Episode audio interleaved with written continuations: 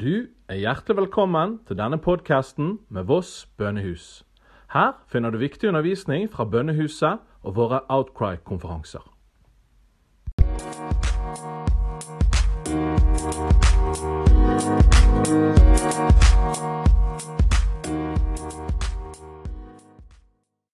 More than a thousand years ago, the Vikings attacked Lindisfarne, and that was the start of the Viking Age.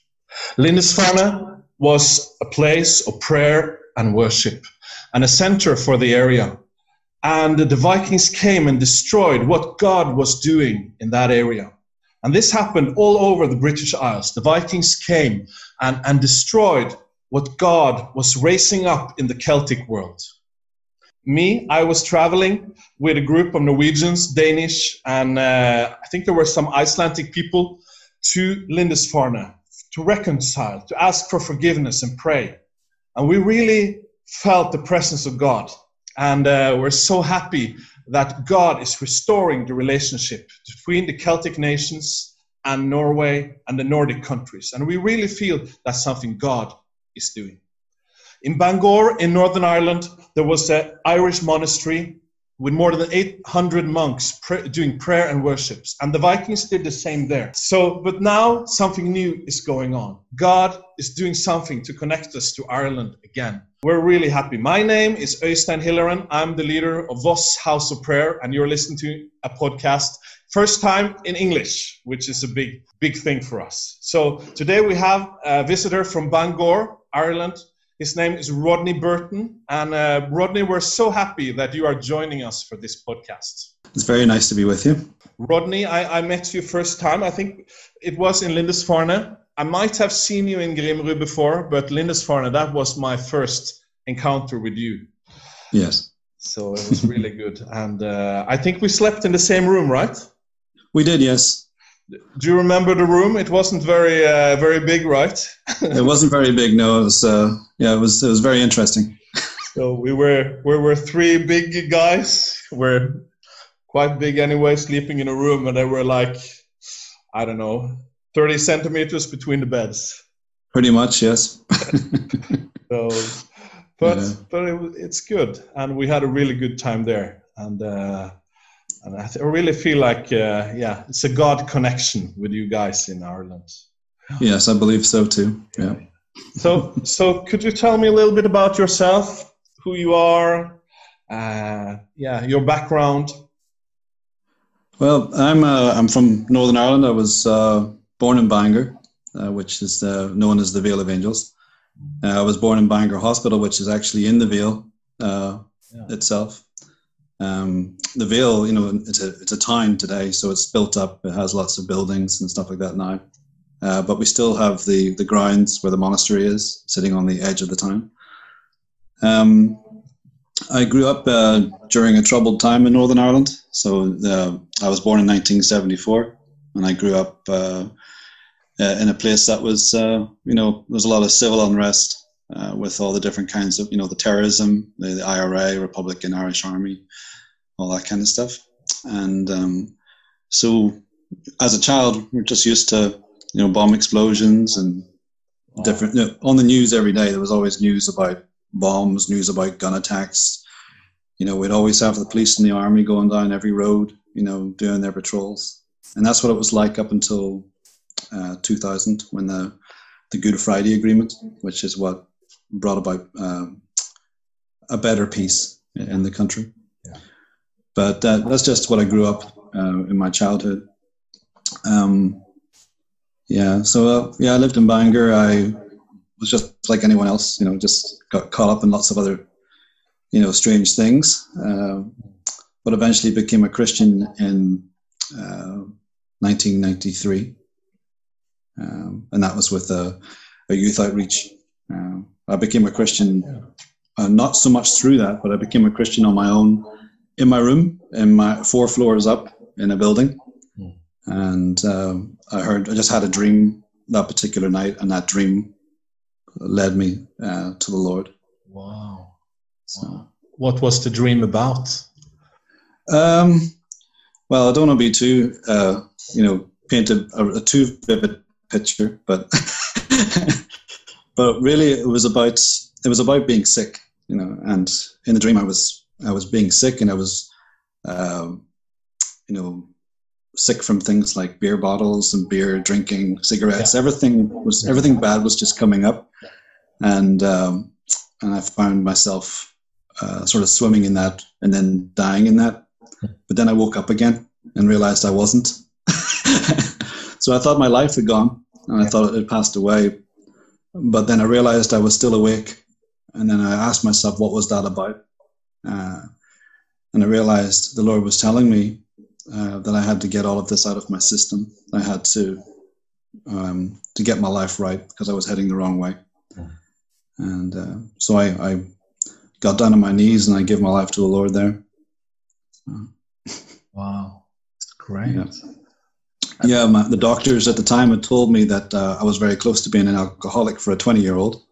Yeah. And uh, because I've been drinking, uh, this might sound terrible, but I was drinking from about the age of 10 and uh, that's just the social climate of the place that I live. So,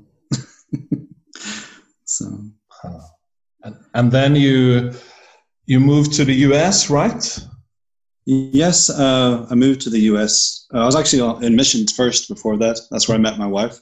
Yeah. Um, I met my wife on the Logos 2, part of Operation Mobilization. Mm. And uh, we, we, met on the first day that I, I actually went through the doors. I met my wife on the first the first person I talked to. Wow, serious. Seriously, yeah. And uh, so we, I spent six months there. She'd been on that ship for two and a half years. Yeah. Uh, I ended up after six months. I ended up working in Amsterdam, uh, part of the Shelter Jordan mm. and Ebenezer youth hostels, which are Christian youth hostels. Mm. And I got to evangelize, street evangelism, and uh, just worshiping in the streets, and and also taking Bible studies at the youth hostels and stuff like that. Wow. Yeah, cool. Uh, and then it was from there that I went to the United States to uh, Puerto Rico. Yeah, we, yeah, me and my wife both heard the Lord telling us uh, to head that direction. So. Yeah, she's from Puerto Rico, right? Yeah, mm-hmm. she's from Puerto Rico. So that's that's what led us over there. You know, we we we felt the Lord telling us to go there, so we did. Mm. Yeah, and that's uh, that was the beginning of our uh, the other side of the Atlantic. so, so you really been after you got saved. You really always have had a sense that you wanted to follow the Lord, right? Wherever He leads you, you would go. And or has it been more of a journey for you, or how, how has it been? No, ever since the beginning, I was hearing the Lord because the first uh, the first thing I ever heard from the Lord was the word "word," and I heard it audibly. What was the word "word"? Oh yeah, the word "word." yeah, yeah, the word "word." so, and uh, you know, I didn't understand what it meant at first. No. But then, whenever I, I, looked at my Bible, I saw at the bottom it said at the bottom of the page, it said "word equals logos." Yeah, and ah, the I name of the ship. yeah. So I, uh, um, I went to my pastor about that, and I said, "The Lord spoke to me." He, he kind of giggled a bit. He laughed. Yeah. uh, because I'd only been a Christian a couple of weeks. Yeah. And, uh, so and I, um, so he he was laughing because he was reading a book, and the book was on the table in front of him, oh. and he was reading a mission handbook, and he had the page open at MV Logos two. No. yes. so he was laughing because it was such a coincidence then that uh, had to be yeah. the Lord in a way. Yeah. He, he just knew it had to be the Lord, so he wrote the phone number down. He handed it to me, and he told me that I needed to give this guy a call. This guy called John, a call at um, Operation Mobilization and just tell him that uh, that he thinks that he, he thinks that God wants me on the ship. That's so cool. And I didn't know it was a boat. I didn't know it was a ship. Yeah, that was the first time I heard the word ship, and um, so I called and I was invited up to a meeting. And this man was talking to me, this guy called John, and he was telling he was asking me all these questions like how long have you been a christian? And i went yeah. well only about five or so weeks you know? And he was like oh okay you know? And then um, he said what was the last book you've read you've read? You know have you been reading any christian literature? And i was like uh, just the bible yeah you know, so, that's a good book to know, say, say, that you have read though yeah the, the, criteria for missions you know you know he was just uh, looking for more in-depth and more yeah. you know more time spent as a Christian. But he came to the question, did I have any idea where the Logos 2 was? I was like, no, I have no idea. Yeah. With my with my mind, I was thinking South America or somewhere far, far away. Yeah. Uh, but then he informed me that uh, the Logos 2 was sitting in Belfast Harbour. No.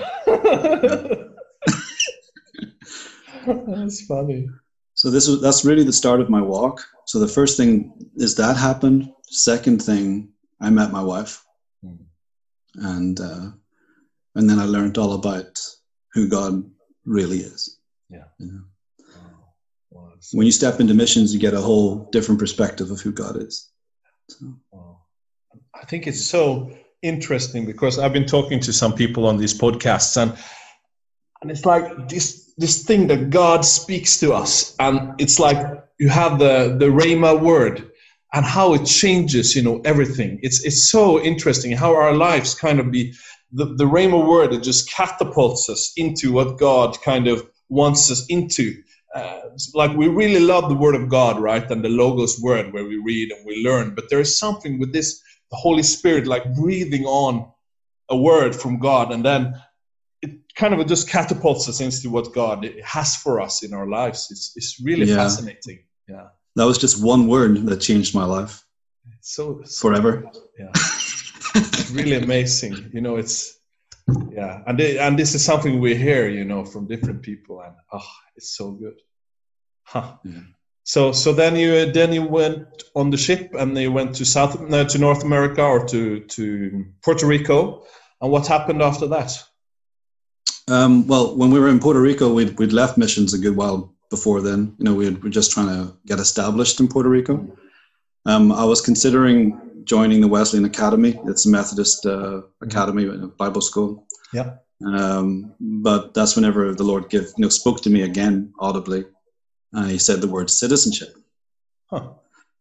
So, um, so I was like, "What's that mean?" You know. So uh, the same thing has happened before with Word. I didn't really know what it was going to lead to, Yeah. but I knew if God spoke it, it had to be important. Um, so I went out for a long walk. I had no money. I was completely broke, zero in the bank account. Yeah. I had no money to feed my wife. I had no money to feed my daughter with. Um, no, my daughter had been born already. You know, she, she was only about one years old, and um, so I went for a really long walk. You know, with my head down, just walking through all the different neighborhoods, and I just chose to walk through the the poorest of places uh, in Puerto Rico. And um, but then I, I came to a place and I sat on a bench, and then I heard the word citizenship again, and that's when I looked up and I saw uh, a word saying citizenship, but in an advertisement. Um, but that advertisement was on the top of an army recruiting center for the American Army. Um, so that's when I realized the Lord was asking me to join the army versus go to Bible college. Very So I interesting. walked- Yeah. I walked into the army. I walked into the army recruiting center and I just asked them if they had any jobs. Yeah, which is something you know. If you're American, you know that you don't you don't just do that. You know, you don't walk in and ask for a job because they'll they'll put you in a an infantry position or like some sort of um, job that involves a weapon. Yeah. Um, but instead, they, they told me the only job they had available for me was to be a, a medic and progr- progressively work towards being a nurse. Huh. So, yeah. It's not everyone that experience like you're thinking about Bible school and then God calls you into the American army. It's uh, yeah. So I'm an Irishman. For an, Irishman, yeah. in Puerto Rico, joining the American Army. Great. So, so you stayed in the army then for some years? Yeah, I was. I just um, when you do citizenship in the army, you just do the first time, your first term of service. That's can be up to four to five years. So I did five years, Okay. and uh, you know, um, it it's like a fast track to citizenship when you go through the army. Yeah. But uh, so much more happened uh, than than I was expecting. But but I realized when the Lord had spoken to me and He gave me a single word, I knew that something more would come out of it. And I joined the army, and I, I ended up in uh, in Georgia first of all in the United States, which I you know, I bonded pretty well with everyone. You know, they they even changed my name from uh, from like Private Burton to Private Ireland. So they give me a new name. so they love the Irish. yeah. So I ended up being called Ireland, uh, which is which is interesting. Yeah. And then, uh, but I was I was highly regarded in the army as well, and and uh, I was like the oldest person there anyway. Yeah. Everyone else was very young, and I was uh, trying to keep up with everyone. but um, um, but uh, whenever I was in training, uh, 9/11 happened. Uh, the, the the trade towers, or the uh, the trade buildings in America got hit by twin planes. towers. Yeah. Mhm. So, and that kind of changed things all over again. It changed the whole world that day, and uh, so I ended up heading uh, like a collision course with uh, Iraq, um, and just following the flow. so, but I ended up embedded in the U.S. Army in Iraq in 2003. Um, but I got to pray in and around all the different things that were happening. Um, I was highly favored, so I ended up being a commander's driver and then a colonel's driver, um, in and out of you know just lots of different positions um, that I was given. You know, from driver to medic to. But the one thing that they they, they wanted was a praying man and a medic. So they actually wanted a person who they knew prayed and knew the Lord then. Yeah, the particular commander that was talking to me uh, told me that he he needed me with him because I was a praying man, Huh. Wow. and um, so I just prayed while every, all the different operations were going on. Yeah, I was part of a like a task force. Uh, put together for a specific purpose, and that was the spear that went into Baghdad. Um, in 2003, that you would have seen on the television, you would have seen shock of shock and awe, and then you would have seen, yeah, the invasion of tanks and all that kind of stuff onto the streets. Huh. Uh, I was a medic embedded uh, in all of that. Yeah, so you were kind of part of the first first wave into Baghdad then. Yep, the tip of the spear. Wow. How, how was it? How kind of what did it feel like? Were you scared? Were it like you just feel the peace of God? How is it kind of when you're in that kind of warfare uh, atmosphere? How, how is it? Um, it's very scary, and um, you know, every if you if you said you weren't scared, there'd be something wrong with you. you know, it's just you know you do feel the fear, but you have you know it comes to a choice. You know, am I going to let the fear consume me, or am I going to stand up and start uh, being the person that I was called to be in this environment, uh, in this moment? So you have to kind of have a word with yourself. You know, you tell yourself if you if you if you buckle up and if you you don't want to fight, then you could lose your life. You have to stand up and move forward. If you don't move forward, you know, your life depends on moving forward and the lives of others. So, and uh, so I had to just have a very stern talk with myself, and then uh, then I got going. It's exciting. And, and I think I remember something about a story when you were in Iraq also about in the in the Saddam's palace. Wasn't there something special going? I was just reminded in my back of my head. You talked something about that before. Am Yes. I right? You are right. Yes, we'd gone through a, quite a few weeks of being ambushed, and I ended up in the back of one of Saddam's palaces, uh, the Republican palace there. Mm. And um, so I was holding my M16, and I could smell the oil. And you know, if, if you know know, know the scripture, um, you know, even though I walk through the valley of the shadow of death, you know, I shall fear no evil. Mm. I was really in the shadow of that valley, and um, so there was the shadow of death, there was the smell of death, and there was all these things going on around me, and I was just so tired of it, you know, because it was day in day out. You, you lived there, Mm. and um, so and I asked the Lord to replace my M16 with uh, with a, uh, a guitar. I just spoke. I just I just spoke it out. I just said, Lord, I really want a guitar. You know, I'm tired, so tired of carrying this weapon that smells of death, and you know, you know. Thankfully, I never used it, but I could smell the oil and everything that is on the weapon. I could, you know, with it mixed with everything else, was just very uh, morbid and depressing. And I wanted a guitar, so I kind of cried it. you know, the inner cry. And um, and then just as I said that, uh, a jeep, a Humvee, uh, pulled up with the chaplain in it, and the chaplain got out, and I recognized the chaplain because he was the same person that I worked with back in Georgia, back stateside. Okay. Um, I'd gone to church, you know, and gone to the places of worship, and he would have been the person leading those places. Uh, and he just had caught up with the unit that moment. Um, and he got out and he went to the back of the Jeep and Humvee and he took a guitar out of the back. That's so great. and he, you know, he brought the guitar uh, over to me and because uh, he knew that I could play and Yeah. he recognized my face and Hmm. told me to go ahead and, and play a few uh, a few songs over the trips there. So I did. I got up and I played the guitar and I was probably the happiest person on the planet, uh, worshiping um, at the back of Saddam Hussein's palace and so cool. singing over the so- soldiers, but not just singing over the soldiers, but singing over the, the atmosphere. Yeah. And um, but what I saw was and what I felt was a release in the atmosphere when I did it, Mhm. and I felt uh, I heard the chatter in the soldiers got louder, uh, even though they probably were unaware of what was really happening. Hmm. But there was a sudden uplifting feeling Yeah. uh, among uh, around everything. Um, so I realized there and then that when we worship in spirit and truth, it, it lifts the atmosphere. Yeah. You know, it's like saying to the atmosphere, those who have been brought low, I say, lift them up. Yeah. You know, lift up their spirits and lift up their, uh, lift up this atmosphere and let joy have its way. Yeah. Let the Lord have his way in that atmosphere. So- So- and he did.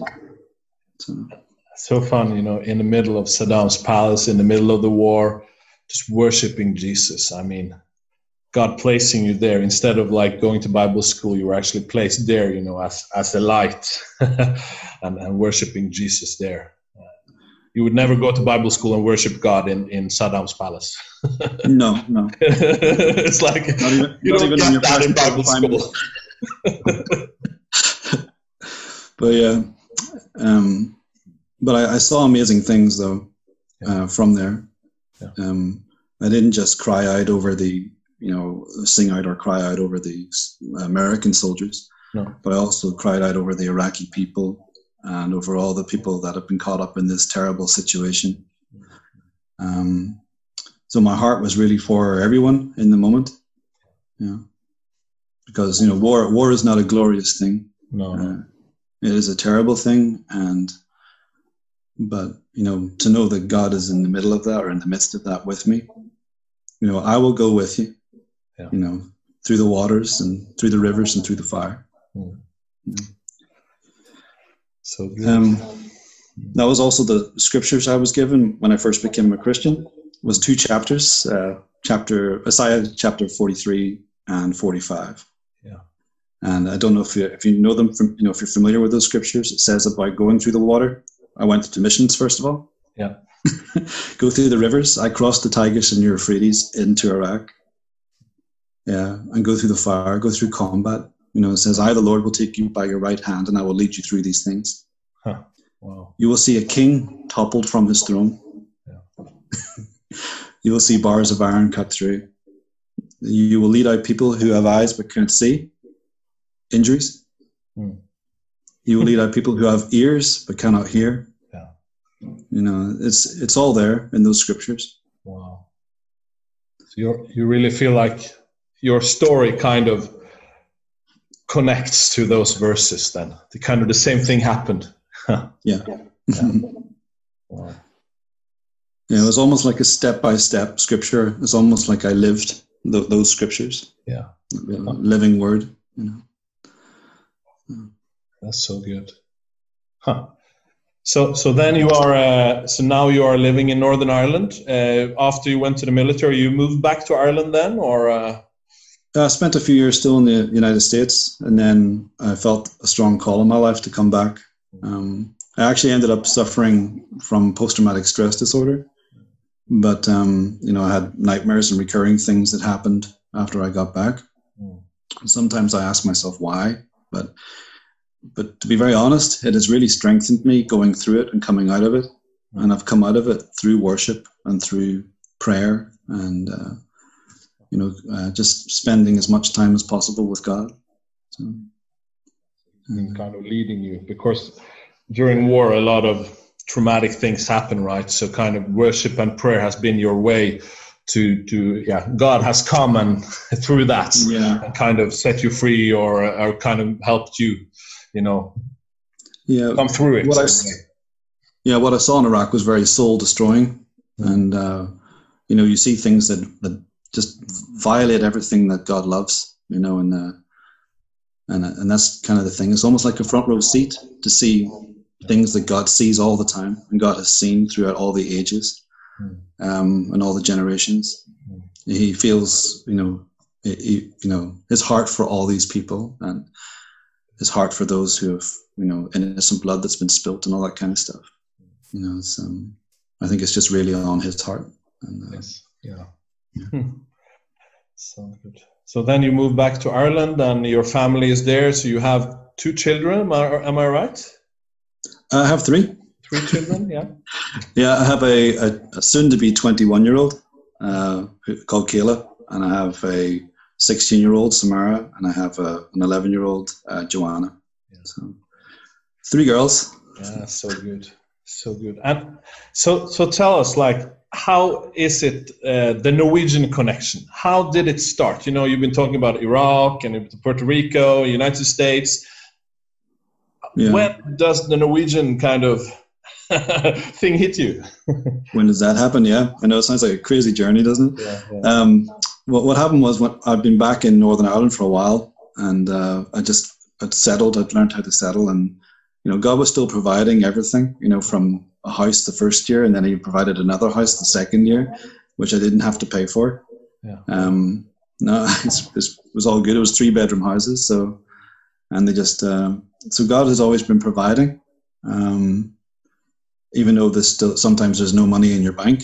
But I live the you know, we've been living this life. Yeah, yeah, I know you know. Yeah. um, but those moments, though, uh, I treasure them. I treasure those moments yeah. because you know because when the provision comes, I just know that he he had uh, everything under control yeah. the whole time. Wow. It's just me that gets a bit nervous. you know. But he had everything under control the whole time, and so I, um, I got my daughters back into school and everything like that, into the education system here, and then I, uh, we just started settling down. And it was whenever I was driving my daughter to school one morning is when I heard the Lord tell me to go to the Heritage Centre in Bangor. That's the like a museum for the local history of the time. Mm. And uh, so I went there to see what God wanted me to see and he showed me the Vale of Angels and the history of it. When I walked in through the front door, you see the monks and you see the all the heritage of the place. So, so just for the people who don't know the Valley of Angels, that's the place where Saint Patrick had his vision, right? Yes, and, it is. Uh, and, and, what more was it? There was some more. There were the monks, you know, with the monastery there, and yes, uh, Saint Patrick would have been there, and he sat by a tree, and he he saw an open heaven, and he saw the portal, you know, from heaven to earth, and he heard the angelic sounds of the angels singing, mm. like he was surrounded by a thousand angels, and uh, yeah, an assembly of thousands upon thousands of angels. Um, and um, but he, he just yeah, he just saw he saw the angels coming and going, and he saw angels all over this valley, mm. uh, and that's why it's called the the Valley of the Angels or the Vale of Angels. Um, so that's part of our part of our history and heritage here. Um, yeah, they had uh, Bangor Monastery was built later on on the same ground, uh, and there was uh, 800 monks that used to worship and pray uh, 24 seven. So the heritage of this place was 24 seven worship and prayer, uh, but also community, uh, because really what the monasteries were about back then um, there were monks were about community, bringing people in, teaching them how to read, how to write, teaching them the ways, you know, how to grow plants, how to, you know, how to turn plants into into med- medicine for medical issues and all that kind of stuff. So there's a lot of things that were being taught in this hub uh, monastery in Bangor. And uh, but the history goes on, and uh, the Vikings come and uh, the Vikings were, you know, raided churches to get the, the gold and the silver, mostly from the churches, and uh, and then trade those things. Um, so so one night they they raided Bangor Monastery and they they slayed the 800 monks and uh, and stole a lot of the things there. Um, but one of the things I, I, did find interesting was the monks actually hid the the bell. Uh, the Bangor bell is what it's called. Okay. And the Bangor bell was the bell that they used to ring to call people to community. so I find it interesting that they would have buried it. Uh, they had a hole for it and they buried it and covered it with soil. Um, so it showed me that that was an important thing to them more than anything else there. Huh. So. Oh, no, it's it's really and and this for people who are listening also. It's we all heard about the Vikings. We heard about they raided the monasteries and stuff, but but uh, the the Celts and the and the Celtic movement, the Christian movement, was a really strong uh, revival movement. Really, with yeah, twenty four seven houses of prayer, missions. You know, going out and, and also they preserved the Bible right in these places during the Darker Age when the Roman Empire collapsed and stuff. They were yes so, so Ireland, so so this movement that the Vikings attacked, it was really on an attack on what God uh, was doing in that time, and also the probably the first Christians who came to Norway or were from Ireland, probably as slaves or as uh, tradesmen, right? So, so there was, yes. yeah. So it's not like yeah, the Vikings just attacked some monks, and that was, but it was really an attack on what uh, God was doing uh, back then, like a movement of God in a way. Yeah, it was a place of sending. You know, it was uh, as much as it was a place of community, it was a place of equipping mm. and uh, people for you know for service. Yeah. And sending uh, the monks would would send monks out um, all across Europe, and even to the uh, the Swiss or even to the uh, out to the Faroe Islands, out to Iceland. Uh, monks would have gone each direction and um, bringing the gospel. So, so God spoke to you then in when you were in Bangor about Norway, um, or in, in the monastery.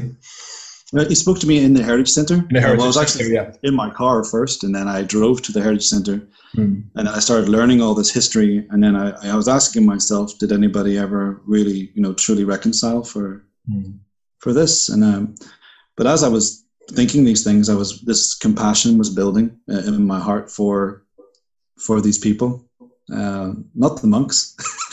My heart was was uh, was starting to grow for the, the Norwegians or the Scandinavians, and um, so I asked the Lord, you know, did I who was it who actually came here? You know, so then he took me around the exhibit, and then I came to a Viking exhibit, and uh, so in the Viking exhibit, I was praying, and I heard the Lord just you know direct my attention to the wall and I saw Norway straight away written on this um, this red poster that was on the wall, and it just said that they they believe that the Vikings that slayed the the monks uh, most likely came from Norway and were Norse Vikings.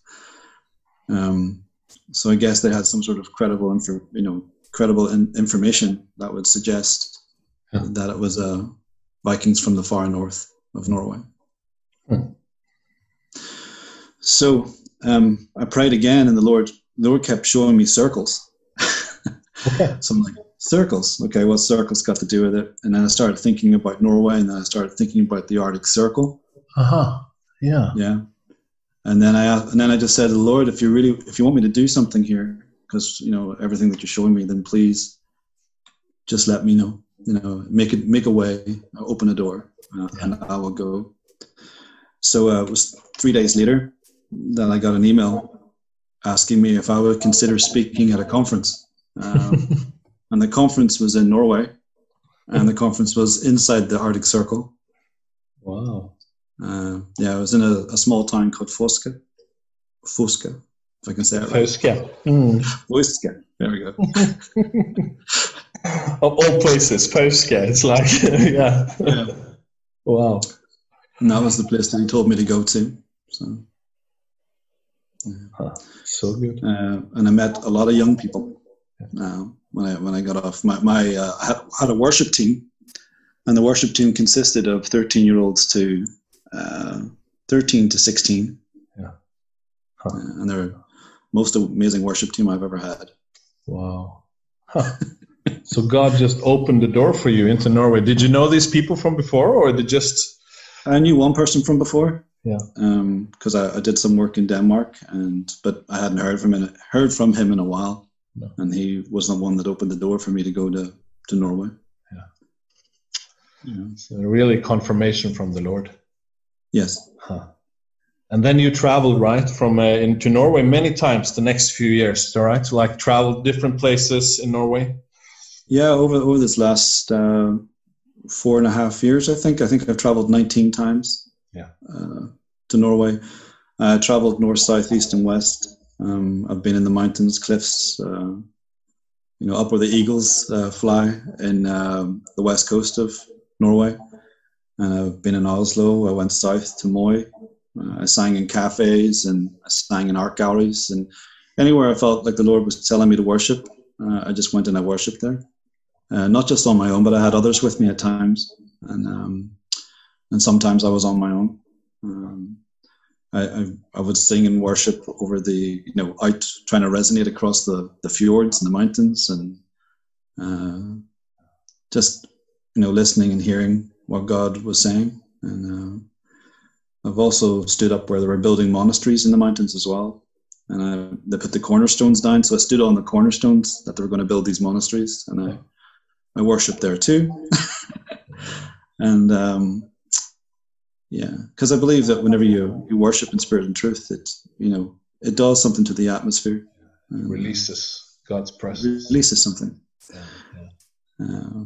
Yeah. So you, you actually, so God, yeah, so God sent you actually from Ireland to just 19 times in four and a half years. So that will be uh, like uh, five times a year then, almost. Pretty much, yeah. Mm, so it and and you worshipped Jesus everywhere. You you sometimes you evangelized or talked to people, and uh, God just led you wherever you felt God lead you. You went.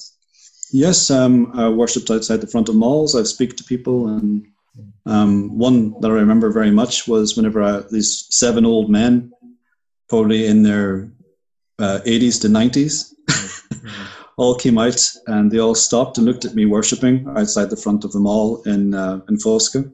and um, um, well, you know, there was a lot of stuff I didn't realize was happening that day. But I just spoke to them and I give them my testimony about being a, in the army and a soldier, and God delivered me, and you know, about worshiping outside the back of Saddam Hussein's palace and everything like that. But what I didn't realize was that I was speaking to seven combat veterans. No, wow. Seven Norwegian combat veterans. Yeah.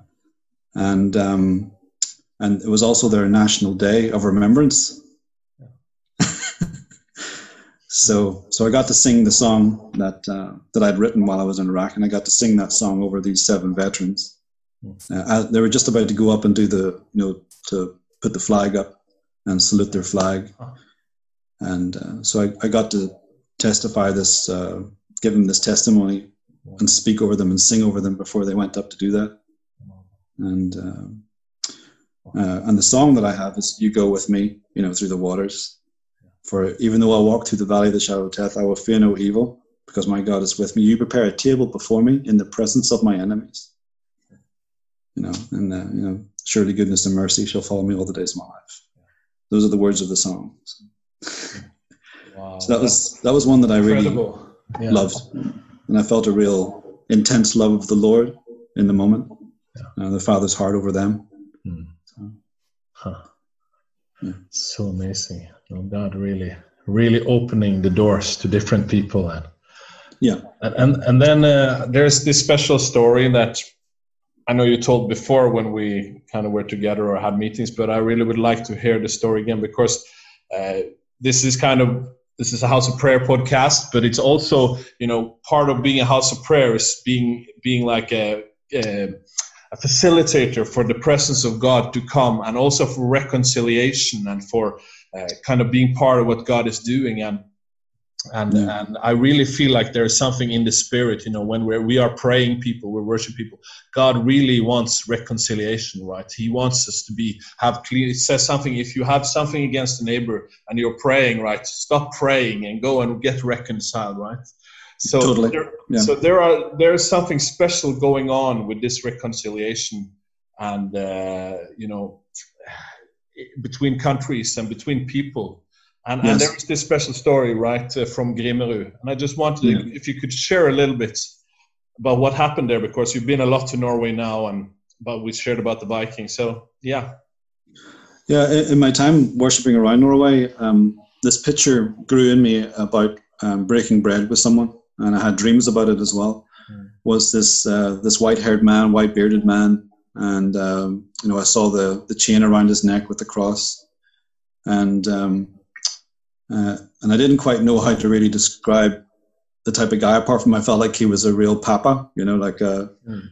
I would describe him as a Papa Smurf, you know, but I mean, like a, but a real Papa, like a, a real father heart of the nation, and uh, and uh, so, but I this dream was about breaking bread uh, and reconciling. Uh, so I waited for the first three years of my traveling around Norway, and um, I just came to this one place where I was invited into Grimerud um, as part of a team with the worship company. A worship company is a, a group of uh, prophetic musicians that meet together and they they worship together and they're, they they just keep each other's company. So that's why it's called a company of worshipers, the worship company. Um, and I just get to we- we all get to uh, to travel and we play together and stuff like that. Uh, but we were asked to come and play at Grimerud, and it's while we were at Grimerud that we started to realize there was a real spiritual significance about being here for that particular moment because um, um, I have this thing with these numbers to do with uh, two, two, two uh, is a number that I've been seeing my whole life as a Christian. And sometimes I, you know, don't totally understand it, but you know, it, it's almost like a guiding number. Hmm. But on the way into Grimerud, the highway was 222. Um, when I flew out to Grimerud, I was uh, I left from gate 22. I was in row two on the plane. The sequence ticket, oh, the sequence number on my ticket was 22. Uh, everything was just 22 or 222, and and then I got to this particular meeting. I just felt like something was going to happen, but um, I felt a joy, but then I felt an agony as well. So I didn't quite know what that meant. So there was joy and there was agony. what, what Uh, does and agony was- mean? It's kind of you were a little afraid, Uh, or it's like in, intense pain. Okay. Um, Yeah. Yeah. So I, I don't think I've ever told you that before, but that's just uh, you know it's on my heart right now uh, to to let you know that there, there was a joy, but there was a pain, and uh, so whenever I um, went into Grimerud, I ended up standing in this hallway, you know, before this leadership meeting, and in the hallway was a man standing there, and he had a white hair and a white beard, and he had the chain around his neck with the cross, and he looked like a, a father figure of a nation. uh, but I looked, he was carrying a bag, and in the bag was a cup uh, with bread, and there was wine. And I thought to myself, this guy's here to break bread. And um, so I thought maybe maybe this is it, you know. And they brought me into the leadership meeting, and then they told me that this was Bjorn Olaf Hansen, and he was actually waiting uh, to break bread with somebody who was from the Vale of Angels in Bangor. it's crazy. It was specifically he'd been waiting his whole life to break bread with somebody who was from the Vale. Yeah. Um, because he knew all about the, the Celtic heritage and he knew all about everything there was to do about the monks in Bangor and the the atmosphere around St. Patrick whenever you heard the angelic um, sounds from heaven.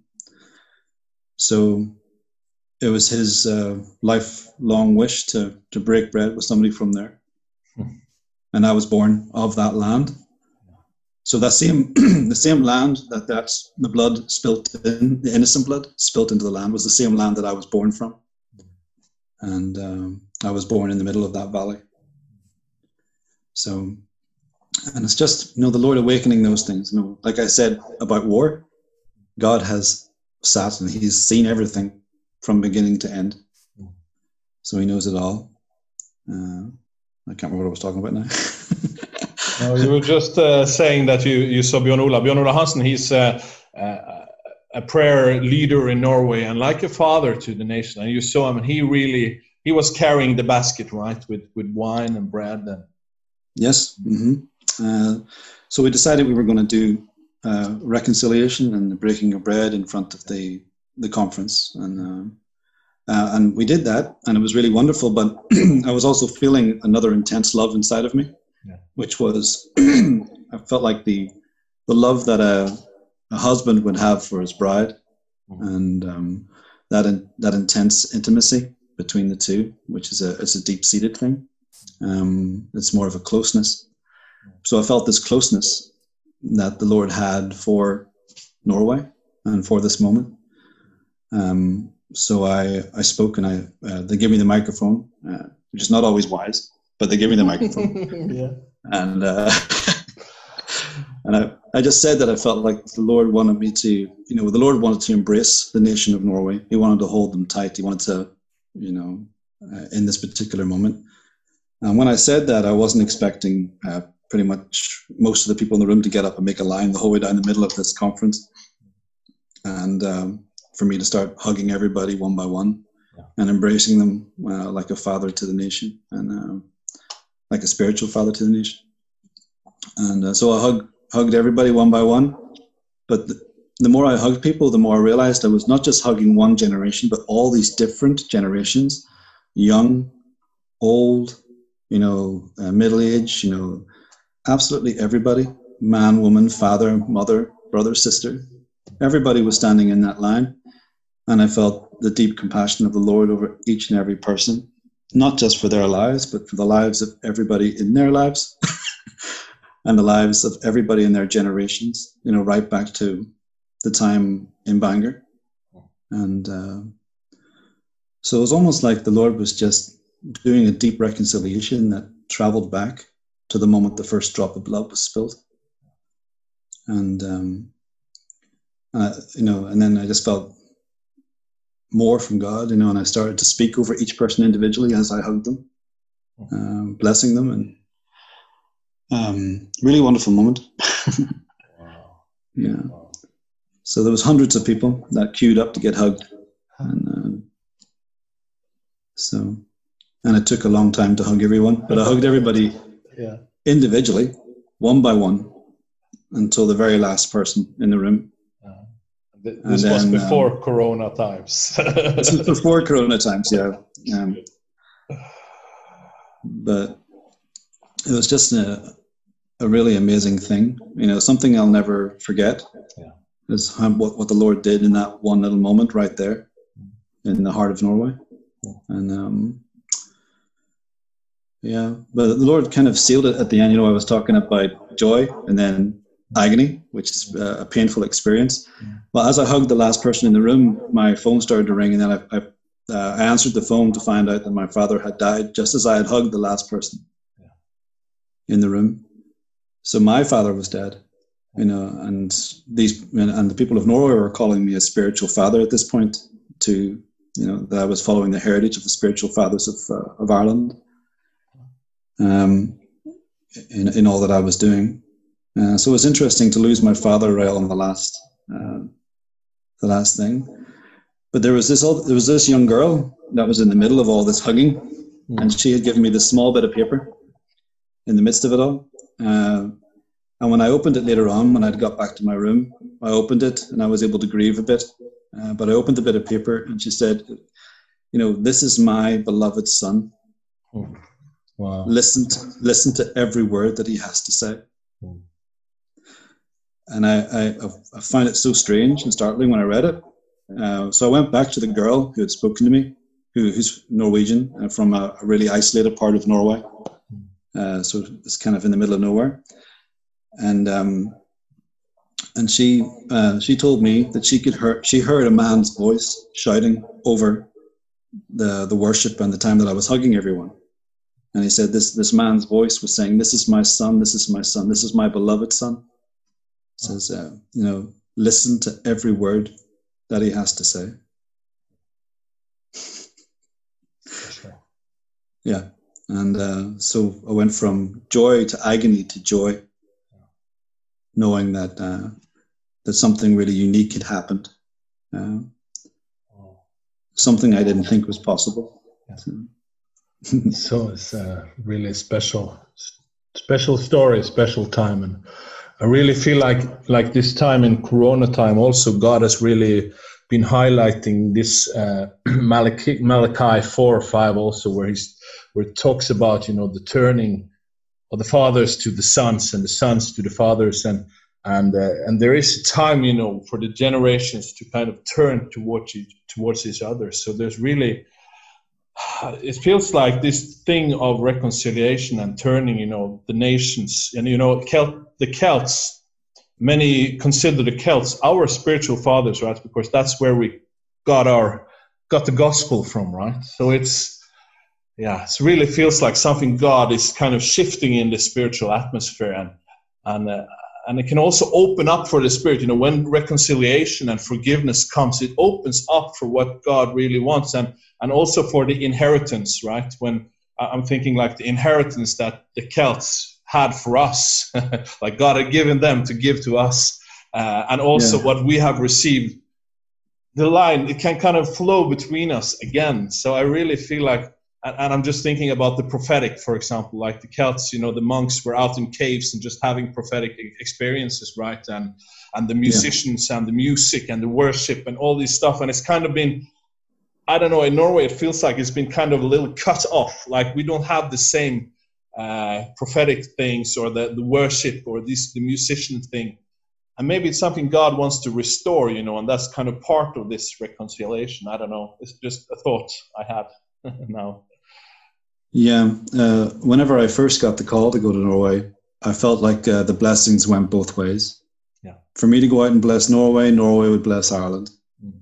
Um, when I was in Moi, um, I'd taken a photograph of um, of this place by the lake. As I was leaving, I'd had an, an encounter with God on that on the edge of this uh, lake. And um, but as I was leaving, I just took this random photograph. And um, but when I looked at the photograph later on, when I, I just finished praying, and I looked at the photograph, I realized, oh my goodness, uh, the the tree outline of the photograph was in the same shape of the map of Ireland. Hmm. And inside the map of Ireland was the still waters of Norway. so I, I've always, that started making me think and feel that Ireland needs the still waters of Norway. So I believe there's a stillness and a beauty and a peace that comes out of Norway. That will that will come to Ireland at some point. Just like the monks brought the gospel to you, you know, the blessing returns to where the blessing came from. Yeah. So good. So good. Just like the gold and silver returned. you know, the you know, I had this dream once where I saw an invasion coming from Norway. Yeah. And the invasion was all the Viking boats with all their, their masts and their the old traditional ships the Vikings would have used. Uh, but I saw a whole bunch of people worshiping in the boats, playing their all their instruments and releasing a sound as they came across the ocean. And they came across the ocean to Ireland.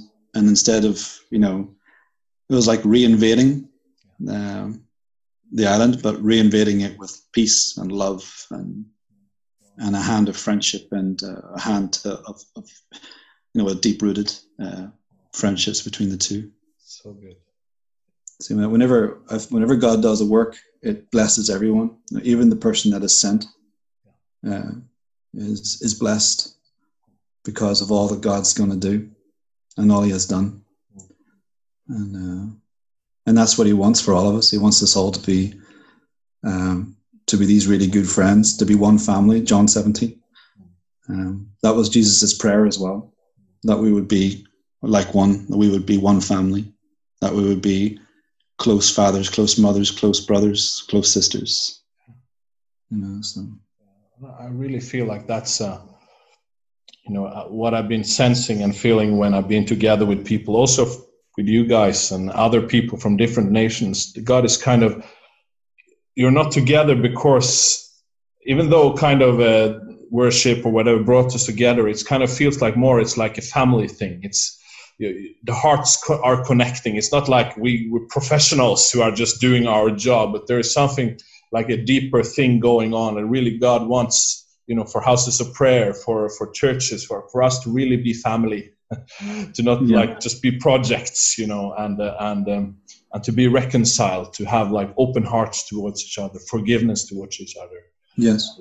And we really create, you know, as houses of prayer, as churches, as environments, we create a family, uh, more of a family environment, more than just, you know, professional or this is my job or this is. Uh, I think it's so important, and I really feel like it's something God is is doing at this time, and also the generations together. Uh, there's something with the fathers towards sons, and the sons towards the fathers, and, and God bringing generations together. Yeah, it's um, all to do with relationship. You know, it's um, the relationship the Lord has with us. You know, our relationship with Him. It's um, you know, I woke up with this this word on my head in my mind this morning was intimacy, and uh, so I, I, was having a good look at the word intimacy, and um, what it means is, uh, if you look at it in the Hebrew meaning, it just means a deep seated closeness. Yeah. Yeah. So deep seated means deep and profound and firmly established. Yeah. You know, but it also means uh, unshakable. If you look into the an unshakable relationship Hmm. um, Yeah. of closeness.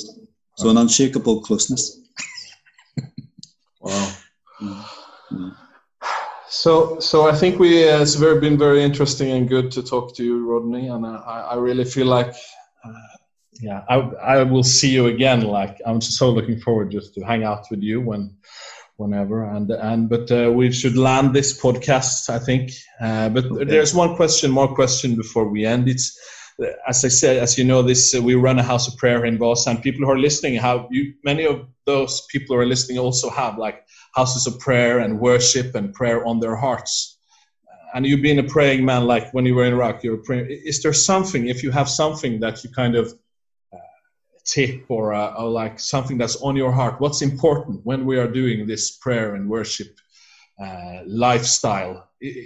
Do you have like one or two just small things, or not small, but kind of short Yeah. things that you think is important for us? Yeah, I'll try and keep it short. But uh, the um, I find the most intense time for me when I'm praying is whenever I go into a room and I close the door behind me, and I, I, I you know, nobody can see me, nobody knows where I am, and just worship, uh, worship and pray. Uh, I've had so many experiences when I do that. I get down on my knees, and I will, I will pray. And uh, but when I go into those moments, I find the Lord takes me deeper in in things, uh, which is I can give a testimony to that. Is that um, there was a time that I was praying over somebody specifically, and as I was praying, I got a picture in my head. I could see them as if I was standing in the room. Uh, the girl had colon cancer, and she was in a uh, a yellow robe. She was in a pale blue room. I saw a guy with a, a blue jumper with a guitar. Um, worshiping beside her like he was singing over her and they were both of oriental uh, you know descent so they were out there in korea and my friend had asked me to pray for them uh, but i had pictured this picture and i thought i was in the room and i walked over and I put my hand on the shoulder of the woman in my prayer time. Hmm. so in my so i'm picturing myself walking over and putting my hand on her shoulder and i prayed that she would be healed like right now.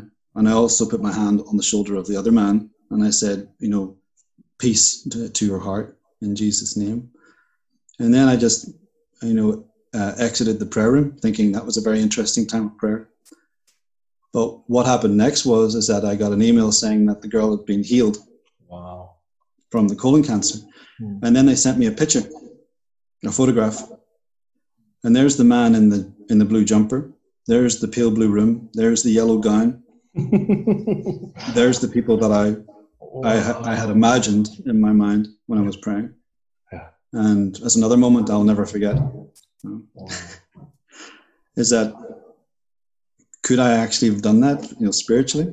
You know, gone from one place to the next and just put my hand on somebody's shoulder Yeah. and asked for them to be healed. So I find whenever you go into your room on your own and you spend time with God in that relationship and you pray and allow the Lord to teach you how to pray. Mm. So I think there's so much more to be found. There is. There is. So good. So good. So really this yeah, I really feel like this yeah, it's a good word. You know, going into our room just seeking God's face and uh, and you know things can happen. Mm. Yeah. Well, uh, one another thing I need to add is you know listen more than you know we can pray a lot, but to me listening is a form of worship, uh, and listening is a form of prayer as well. You know, you're, you're waiting to hear and receive and yeah. and hear what the Lord has to say. Uh, and I think uh, you know if one word can change my entire life, then it's worth waiting for.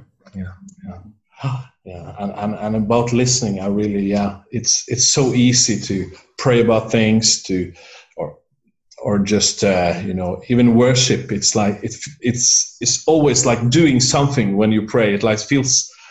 If I'm not praying, if I'm not saying anything, it can so often it can feel a little strange, you know. So, but there is something about just listening, just waiting, you know, waiting in stillness, and I think we have a lot to learn there. Great. Amen. Yeah. No, but thank you so much, Rodney, for joining us today and joining me for for this. And uh, if you're listening, you can, uh, if you want to hear more from uh, from the House of Prayer, or uh, or you want to connect more with with us, you can go into Voss House of Prayer. It's Voss Bønnehus. It's a Norwegian word. no, uh, and you can go in there, and there is more information there. And uh, and also you can uh, listen to other podcasts but unfortunately most of them are in norwegian but we also have some in english some uh, some sermons about house of prayer and about prayer and worship. So you can go on spotify and uh, the different places where you find podcasts. So thank you so much for listening and uh, have a good day